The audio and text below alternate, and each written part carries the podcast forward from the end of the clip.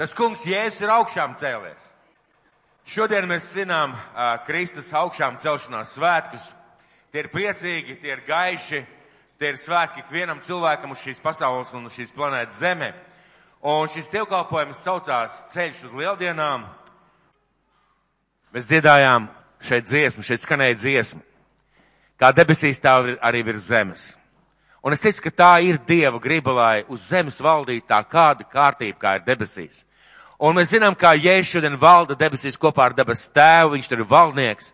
Viņš vada arī cilvēku šeit uz zemes un Dieva griba ir, lai ik viens cilvēks uz šīs zemes piedzīvot šo glābšo, šo vēstu, piedzīvot grēku, piedošanu, piedzīvot šīs atjaunotās attiecības ar debes tēvu. Un šodien es gribētu dalīties ar kādu vēsti, kas tajā dienā 2000 gadus atpakaļ izskanēja no debesīm. Bet pirmajā nedēļas dienā ļoti agri gaismai austot, sievas nāca pie kapa, nesa svaidāmās zāles, ko tās bija sataisījuši, un vēl kādas citas bija līdz ar tām. Un tās atrada akmeni no kapa novelt, tas gāja iekšā un tā kunga jēzus miesas neatrada. Un kad tās nezināja, ko darīt, redz, Tad pie tām piestājās divi vīri spīdošās drēbēs, un kad tās pārbijušās nolaida acis uz zemi, viņi tām sacīja, ko jūs meklējat dzīvo pie mirušajiem? Viņš nav šeit, bet ir augšām cēlies. Pieminiet, ko viņš jums runājis, vēl Galilejā būdams, sacīdams. Cilvēku dēlam būs tapt nodotam grēcinieku rokās, tapt nokautam, krustā sistam un trešā dienā augšām celties. Tā bija vēsts tajā dienā no debesīm, ko eņģeļi pasludināja šīm sievietēm. Un es gribētu dalīties ar vārdu, kurā, kura nosaukums ir eņģeļu vēsts. Šīs sievietes dodas uz kapu un viņas ir sabatu pavadījušas klusumā un mierā, kādas ebreju tautā tradīcijā pieņemts. Viņas ir skumušas un bēdājās par to, ko viņas redzējušas, kā viņa kungs tiek piesists krustā un kā viņš nomirst un viņas gatavojās doties uz šo, šo kapu, viņas aiziet uz šo kapu, eh, stāv pie šī kapa, iet šajā kapā un redz, ka viņa tur nav. Un pēkšņi viņas ierauga divus vīrus, kas saka viņām ļoti interesantus vārdus. Viņas nobīstās, un šie vīri saka viņām ļoti interesantus vārdus. Ko jūs meklējat dzīvo pie mirušiem? Un šis jautājums ir, uz kuru mums vajadzētu dot atbildi pašiem sev Viņām vajadzēja atbildēt šo jautājumu, un mums šodien vajadzētu rast atbildi uz šo jautājumu. Vai tā varētu būt, ka arī mēs šodien Jēzu Kristu augšām celto meklējam pie mirušajiem?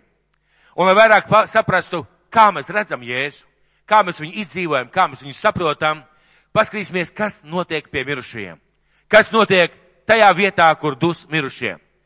Un uh, Par cilvēkiem, kas ir dzīvojuši šīs zemes, liecina dažādas lietas. Lai cik ir bijis labs cilvēks, lai cik labus darbus ir darījis, sirsnīgs, mīlestības pilns, čakls vai kāds savādāks, lai cik ietekmīgs šis cilvēks ir bijis, lai kādus namus būvējis, kādas valstis organizējis, lai ko viņš nebūtu darījis. Par viņu liecina nostāsti, par viņu liecina fotogrāfijas. Varbūt uzrakstīta ir kāda grāmata, un pat varbūt ir kādi piemiņas pasākumi, kas tiek rīkoti, bet parasti par šī cilvēka dzīvi liecina kapu piemineklis vai krusts. Bet viņš pats, šis cilvēks, par viņu dzīvi liecina piemineklis, atmiņas, notikumi, situācijas, par kur viņi stā, ko par viņu stāsta. Bet viņš pats, kur ir šis cilvēks? Kur ir šis cilvēks, par kur ir šīs liecības? Un parasti viņš ir tur, kur ir mirušie. Kapos. Es gribu parādīt bildi. Brīnišķīgs kaps, lieliski sakopts, lieliski izveidots. Var redzēt pietiekoši daudz vietas ar grezniem labiem materiāliem. Un, ziniet, mēs varam izveidot brīnišķīgu piemiņas vietu, iekārtot, izlietot dārgus materiālus šim kapam. Varam bieži apmeklēt nes ziedus, varam kavēties atmiņās pie šī kapa, varam rīkot pat atceres pienākumus. Un šī pieminekļa parasti stāv gadu skaitlis. Un skatoties šo gadu skaitu, mēs varam ieraudzīt datumu, kurā cilvēks ir dzimis, datumu, kurā viņš ir miris, un mēs varam izreikināt, cik ilga bijusi viņa dzīve. Un tas viss liecina, šis cilvēks bija, un viņš ir miris. Viņa vairs nav. Ir paliks tikai piemiņas vieta, kuru mēs varam apmeklēt. Ko mēs nevaram vairs? Mēs varam apmeklēt šo vietu, bet ko mēs nevaram vairs? Mēs nevaram vairs satikt šo personību. Mēs nevaram vairs dzirdēt viņa balsi. Mēs nevaram vairs sarunāties ar šo personu, un mēs nevaram vairs saņemt viņa palīdzību. Un eņģēlis ar savu veidu saka, tas ir pie mirušajiem. Jūs šobrīd meklējat viņu pie mirušajiem, un tas viss ir pie mirušajiem. Kas ir pie dzīvajiem? Jo vēsts bija, ko jūs meklējat mirušo pie dzīvajiem. Kas ir pie dzīvajiem? Attiecības. Mīļie, pie dzīvajiem vienmēr ir attiecības. Pie dzīvajiem vienmēr ir attiecības, jo šī personība ir dzīva. Tas ir dzīvas, reālas, īstas attiecības ar to personību, kurš ir dzīva. Ja viņš ir dzīves, mēs varam viņu satikt. Ja šī personība ir dzīva, mēs varam runāt ar viņu. Ja šī personība ir dzīva, mēs varam dzirdēt viņu balsi. Mēs varam aizbraukt ciemos, mēs varam apciemot, mēs varam dzīvot kopā. Ja šī persona ir dzīva, tad viņu nevajag meklēt atmiņās. Mums visiem ir atmiņas par kādām labiem cilvēkiem. Mums visiem ir atmiņas par kādiem notikumiem. Mums ir šīs atmiņas. Bet šī personība ir dzīva un es gribu zināt par viņu, uzzināt, redzēt. Es dodos pie viņa, es viņu satieku un man nevajag kavēties tikai atmiņās. Ja viņš, šī personība ir dzīva, es varu ar viņu sarunāties. Ja viņa ir dzīva, viņš var dzirdēt manu balsi, atbildēt uz manu jautājumiem. Ja, mēs, ja viņa, mēs, šī personība ir dzīva, mēs varam darīt lietas kopā. Un ja šī personība ir dzīva, tad nevajag viņu meklēt tikai atmiņās. Nevajag meklēt fotografijās. Nevajag meklēt tradīcijās, atceres pasākumos. Un nevajag domāt par viņu it kā viņš būtu dzīvs. Viņš ir dzīvs. Mums vajag ar dzīvām personībām ar dzīviem cilvēkiem veidot dzīves, reālas attiecības. Kā mums izskatītos tāda interesanta situācija? Kā mums izskatītos tāda interesanta situācija? Jūs ziniet, ir cilvēki, kas nopērk sev vietu kapos. Ir tāda iespēja nopirkt sev vietu kapos, cilvēki pērk dzimtas kapus vai tam līdzīgi, ir nopērk kādu teritoriju, iekārto. Cilvēki reizēm pat uzstāda pieminekli, ieraksta savus tuviniekus aizgājušos un ieraksta pat savu vārdu ar domu šeit kādreiz es dusēšu. Un iedomājieties, ka kādam cilvēkam ir šāda vieta. Un ir kāds viņa draugs, kas dodas uz šo kapa vietu, viņš ir uzzinājis, kur viņam šī kapa vieta nopirkt. Ir šis draugs, viņš aiziet uz šo, šo kapa vietu pie sava vēl dzīvā drauga. Viņš atnes ziedus un gremdējās atmiņās par dzīvo, it kā viņš būtu miris. Skumst, bēdājās, rīko varbūt greznus atceres pasākumus, ja garām ietu dzīvais cilvēks. Ko viņš teiktu? Klausies, hei, es esmu šeit. Es neesmu tur. Padomā pats, paskaties uz mani, patausti mani, nu nāc aptausti. Un es domāju, ka tam cilvēkam tur sēž pie tā kapa, viņam būtu ārkārtīgi muļķīgi. Pagaidi, liecies mierā, liecies mierā. Es te atceros savu draugu. Un draugs saka, es esmu šeit. Nē, nē, nē, liecies mierā. Es atceros savu draugu. Kāpēc es par to runāju? Mīļie, kāpēc es par to runāju? Tāpēc, ka mēs tik bieži rīkojamies tādā veidā ar Jēzu Kristu. Mēs tik bieži uz viņu tā skatāmies, rīkojot atceres pasākumus un notikumus. Mēs atceramies viņa darbus. Tas ir svarīgi. Mēs atceramies viņa dzīvi, viņa kalpošanu. Tas ir svarīgi. Mēs atceramies viņu piedzimšanu. Tas ir svarīgi. Mēs atceramies viņu nāvi. Tas ir ļoti svarīgi un mēs atceramies viņa augšām celšanos, tas ir ārkārtīgi, bezgalīgi svarīgi. Jo tieši augšām celšanās ticību Kristum padara par īstu, reālu, patiesu ticību, kas nebeidzās ar nāvi, bet turpinās ar dzīvību. Un tā mēs no viskaut kā, no tradīcijām, no baznīcas kultūras, no rituāliem varam iztaisīt pieminekli. Mēs varam uztaisīt pieminekli skaistu, dārgu, iespaidīgu, ārkārtīgi dievbijīgu. Iedomājieties tāds ārkārtīgi dievbijīgs piemineklis. Cilvēki ieliek lielu naudu, uztais ārkārtīgi dievbijīgu pieminekli, nāk un pateicās Dievam, pielūdz Dievu un atcerās kā jau mirušo Dievu. Mēs varam sēdēt pie šāda pieminekļa, skatīties un atcerēties. Bet vēsts ir, viņš ir dzīvs no baznīcām, no dievkalpojumiem, reizēm no tā, kā mēs ticīgi cilvēki kalpojam, mēs varam izveidot šādu pieminekli ar domu, mēs atceramies savu kungu, bet viņš ir dzīvs. Viņš ir dzīvs, viņš dzīvo mūsu vidū un viņš valda. Un viņš stāv blakus katram no mums un saka, hei, es esmu šeit. Paskaties debesīs, paskaties kokos, paskaties ticīgi cilvēku dzīvē, paskaties manā vārdā, es esmu dzīvs un es esmu šeit. Tu vari mani satikt, tu vari mani redzēt, tu vari mani piedzīvot, tu vari ar lūkšanām nākt pie manis un saņemt atbildi. Tu vari staigāt kopā ar mani. Caur svētkiem, caur baznīcām, caur bībeli, caur to, ko viņš šodien dara un grib darīt, tavā un manā dzīvē. Viņš saka, es esmu augšām cēlies Kristus. Es esmu dzīvs. Kad Jēzus, kad Jēzus sludināja sev mācekļiem, viņš bieži ņēma un lietoja tādu frāzi, es esmu. Kas var teikt, es esmu? Tas, kurš ir. Un viņš teica tādus vārdus, es esmu ceļš, patiesība un dzīvība. Es esmu durvis, kas ved pie tēva. Vārdi es esmu nozīmē, es esmu dzīvs. Es eksistēju. Es esmu tev blakus. Esmu kopā ar tevi. Es esmu priekš tevis. Vai Dievs nevarēja celt Jēzu augšā klusiņām, lai neviens nepamanā? Vai Dievs nevarēja celt augšā Kristu tā, ka neviens neuzzina un vienkārši kaps ir tukšs? Un mēs šodien sēdētu pie šī kapa savās domās, grāmatās, bildēs, fotografijās, savās baznīcās, skumt un bēdētos. Bija reize, kādreiz kungs Jēzus darīja viņš brīnums. Kaut mēs būtu bijuši tajā laikā, bet viņš cēlās augšā. Viņš parādījās saviem mācekļiem. Eņģeļis pasaka, viņš ir augšām cēlies.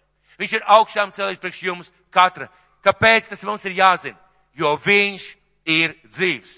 Un mēs viņu satiksim. Ja mēs, ja mēs paceļam savas acis no pieminekļiem, mēs Dievu varam piedzīvot, ja mēs paceļam savas acis no pieminekļiem, no tradīcijas, no vienkārši kultūras, no tā, ka mēs zinām it kā, ka viņš ir dzīvs, bet nedzīvojam tā, it kā viņš būtu dzīvs. Mums ir jāpaceļ augšā savas acis no piemiņas, pie, plāksnes, jāpaceļ augšā savas acis no tā pieminekļa, varbūt vēlreiz varētu parādīt. Parādiet lūdzu šo, šo kapu, pie, kapa vietu brīnišķīgi un skaisti, pareizi. Bet ziniet ko? Neviens no mums šobrīd šeit sēdošiem sev tādu negribētu. Ziniet, kāpēc? Tāpēc, ka mēs esam dzīvi un mēs gribam dzīvot, pareizi. Bet mēs varam sēdēt līdzīgi kā šajā, pie, pie šī kapa pieminekļa, skumt, bēdāties, un mums jāpaceļ augšā acis no šī kapa pieminekļa. Mums jāpēcējās augšā no šī soliņa un jāiet viņš meklēt, un jāiet viņš satikt. Un mēs viņu varam satikt. Kāpēc? Kāpēc mēs viņu varam satikt? Jo viņš ir dzīvs. Viņš ir dzīvs un augšām cēlies. Un viņš grib būt attiecībās ar mums ar ikvienu.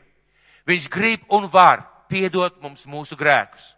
Viņš grib un var vadīt mūs pa mūsu dzīvi. Viņš grib un var skumju vietā dot prieku un cerību. Viņš grib un var dziedināt palīdzēt un atbrīvot. Viņš grib un var ikvienam, kas viņam tic, dot mūžīgo dzīvību. Kādos vecos tulkojumos mūžīgo dzīvošanu, varbūt precīzāk. Kāpēc? Jo viņš pats ir mūžīgais Dievs. Mēs bijām Jeruzalemē, un Jeruzalemē ir divas kapa vietas. Viena tradicionālā šobrīd pilsētas centrā liela katedrāle ar daudz dažādām telpām un ļoti daudz cilvēku un svētvietas un pieminekļi un viss kaut kas tam līdzīgs. Liels krāšņums un viss tāds tā, tam līdzīgs lietas kā tādā svētvietā. Bet šajā Jeruzalemē ir otra vieta, kas ir tālāk no Jeruzalemes. Un šī svētvieta, šī vieta ir tā, ko ir kādi cilvēki apgalvo, ka tā ir ordināla. Jā, tur ir klints, kas ir līdzīgi galvas kausam kad pēc izrakumiem tika atrasts arī kapa vietas. Precīzs kaps kā noraksturots, apmēram kā tas bija. Tur ir kapa vieta, kur varēja noguldīt šo te mirušo cilvēku. Divas vietas, viena vienā pusē, viena otra gaugalī, viena kaigalī, kur sēdēt divi, divi krēsli. Tas viss ir oriģināli. Un tu ieej šajā kapa vietā. Un kas ir interesanti, šajā kapa vietā ir gaisma. Tur, nesp, tur spīd gaisma tikai cauri durvīm, bet ieejot šajā kapa vietā, tur ir gaišs. Un, kad tu ej ārā, ir ļoti interesanti izveidot situāciju. Tur ir lielas tādas koka durvis un, protams, ir arī vieta, pa kur akmens tika slidināts, bet šobrīd tur ir koka durvis. Un, kad tu pagriezies, lai iet ārā, uz durvīm ir uzraksts. Viņš nav šeit. Viņš ir augšām cēlies. Un tā ir patiesība. Un tā ir patiesība. Ja viņš cēlās augšā, ko viņš šodien dara?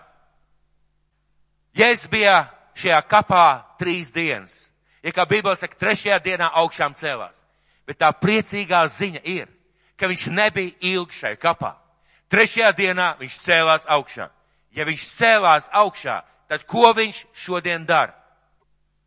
Un Marka evaņģēlijā rakstīts tā, un tas kungs, kad viņš ar tiem bija runājis, ir uzņemts debesīs un sēž pie Dieva labās rokas.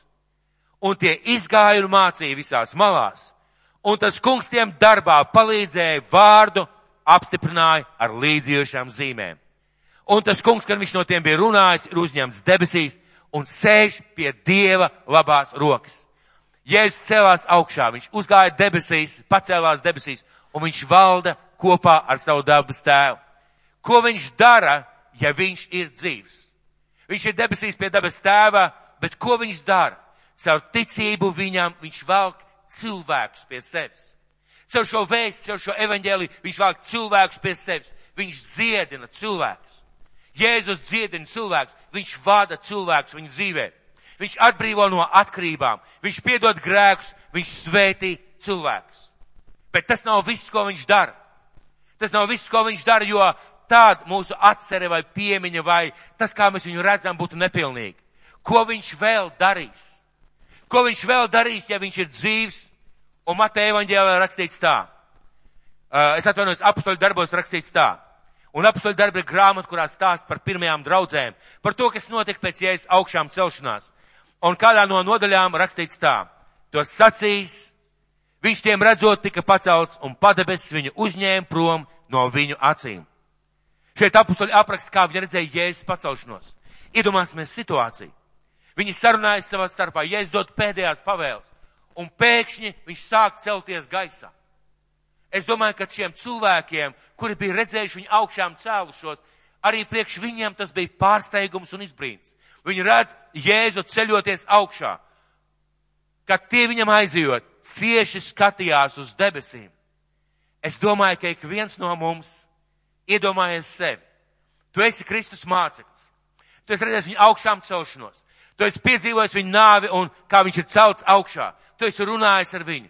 Un tu redzi, kā viņš ceļās augšā. Es domāju, ka viens no mums ar vaļēju muti skatītos debesīs, kā viņi to darīja. Viņi skatās šajās debesīs un nespēja noticēt savām acīm. Kad tie viņam aizejot, cieši skatījās uz debesīm. Lūk, Pie tiem stāvēja divi vīri baltās drēbēs. Un tie sacīja, atkal eņģeļi, galilieši, ko jūs stāvat skatīdamies debesīs? Jocīgs jautājums, pareizi. Nu kā es tikko redzēju, kā Jēzus pacēlās debesīs. Bet acīm redzot, viņi tik ļoti skatījās debesīs, ka viņi taisījās uzbūvēt pieminekli. Jēzus aizgāja debesīs, tagad vienkārši atcerēsimies tikai to Un lūk, ko eņģeļi saka tālāk. Šis Jēzus, kas uzņems prom no jums debesīs, tāpat nāks, kā jūs viņu esat redzējuši debesīs aizējam. Ko eņģeļi pasaka? Viņš nāks atpakaļ. Pienāks diena, kad visa pasaule, kad visa planēta Zeme redzēs viņa atnākšanu. Un reizē mēs lietojam vārdus, viņš nāks, lai tiesātu zemi. Jā, par to arī rakstīts. Bet ziniet, kāpēc viņš nāks? galvenais uzsvars ir, lai ņemtu pie sevis tos, kas viņam tic. Lai dotu mūžīgo dzīvību tiem, kas ir noticējuši viņa nāvei un augšām celšanās vēstē, un kas ir atdevuši viņiem savu dzīvību.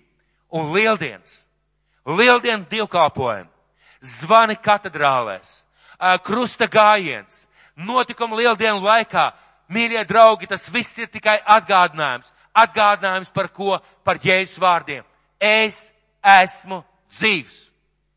Atgādājums par Jēzus augšām celšanos un to, ka viņš ir dzīvs. Vai jūs atceraties? Vai visi cilvēki pieņems to? Vai visi cilvēki teiks, jā, es tam ticu? Vai visi cilvēki sapratīs, ka Jēzus ir dzīvs? Vai jūs atceraties Jēzus krustā sišanas ainu? Un ļoti simboliski un nozīmīgi ir, ka Jēzus tiek sists ļaundariem pa vidu viens pa kreiso roku un viens pa labo roku. Un mēs zinām šajā stāstā, viens zaimo Jēzu, otrs griežās pie Jēzus ar vārdiem. Mums notiek, kā mēs esam pelnījuši. Piemini mani, ka tu nāksi savā valstībā. Un personība, kurš netaisās celties augšā. Personība, kurš jau mirst tāpat kā šie ļaundēri pie krusta, nekad nespētu teikt vārdus, ja netaisītos celties augšā. Un lūk, ko Jēzus saka. Šodien tu būsi ar mani paradīzē. Ja es saku, šodien tu būsi ar mani paradīzē. Bet kāpēc ir svarīgi ieraudzīt šo kalnu ar šiem trīs krustiem un Jēzu pa vidu? Ziniet, kāpēc? Tāpēc, ka uz šī kalna visa cilvēce tika sadalīta divās daļās, bet nevis sliktajos un labajos, divās daļās. Jēzus Kristus kļuva par šo šķīrēju krustu, ja tā varētu teikt, uz, uz pasaulē. Vieniem, kas tic un iemanto glābšanu, otriem, kas netic un aiziet pazušanā. Jēzus pāršķīra šo pasauli, pāršķīra visus cilvēkus, pāršķīra vēl dzimušos un tos, kas dzims, pāršķīra divās daļās. Un viņš skaidri gaiši pateica, šajā vietā eņģeļi saka, viņš nāks atpakaļ, lai ņemtu tos pie sevis, kas tic viņa vārdam. Un arī šodien, un arī šodien ir cilvēki, kas tic un iemanto glābšanu, bet ir cilvēki, kas, kā 11. pantā teikts, un šie vārdi tiem izlikās kā pasaka, un tie viņām neticēja. Mēs varam būt vislabākajā dievkalpojumā. Mēs varam būt vislielākajā katedrālē uz šīs planētas zemi. Mēs varam nesāt sev kaklā maziņu vai milzīgu krustu uz muguras. Mēs varam teikt vienalga, ko mēs par sevi sakām. Ja Kristus manā dzīvē par mani nav nomiris un augšām cēlies, tad man tas ir kā pasaka. Tad man tas ir kā leģenda, un ziniet, ko es izdarīšu? Es uztaisīšu kapu pieminēklīt savā galvā. Es uztaisīšu piemiņas vietu ar dievkalpojumiem, ar ceremonijām, ar rituāliem un atcerēšos to, ka viņš bija. Ja Kristus ir nomiris par mani un cēlies augšā, tad viņš priekš manis ir dzīvs. Un es viņu meklēšu, es veidošu ar viņu attiecības, es ar viņu iepazīšos un viņš būs mans kungs. Un tā ir milzīgā starpība. Kā iegūt šo glābšanu? Kā iegūt šo pestīšanu, kā iegūt to, ka Kristus dzīvais Dieva dēls ir tavā dzīvē. Un Bībele saka, diezgan skaidri. Ar sirds ticību un mutes liecību. Ko nozīmē sirds ticība? Ticība nozīmē, es ticu, ka viņš nomira par maniem grēkiem. Es ticu, ka viņš bija Dieva dēls. Es ticu, ka viņš samaksāja par visu to, ko es savā dzīvē esmu izdarījis un iespējams vēl izdarīšu. Un es ticu, ka viņš spēja man piedot un nomazgāt mani un nākošais solis. Un es apliecinu viņu ar savām lūpām par savu kungu un par savu glābēju. Ja Jēzus nav mans kungs un mans glābējs, tad man ir skaists piemineklis. Varbūt tas ir ieraksts baznīcas grāmatā, mans vārds un uzvārds. Varbūt tas ir mans kristību datums. Varbūt tā ir mana piedarība kādai konfesijai. Varbūt tā ir vienkārši doma galvā. Es zinu, ka Jēzus bija. Bet tad priekš manis Kristus nav dzīvs. Ja viņš ir dzīvs, viņš vēlās, un mēs varam veidot ar viņu attiecības. Un Jēzus ir augšām cēlies. Tāda bija eņģeļu vēsts.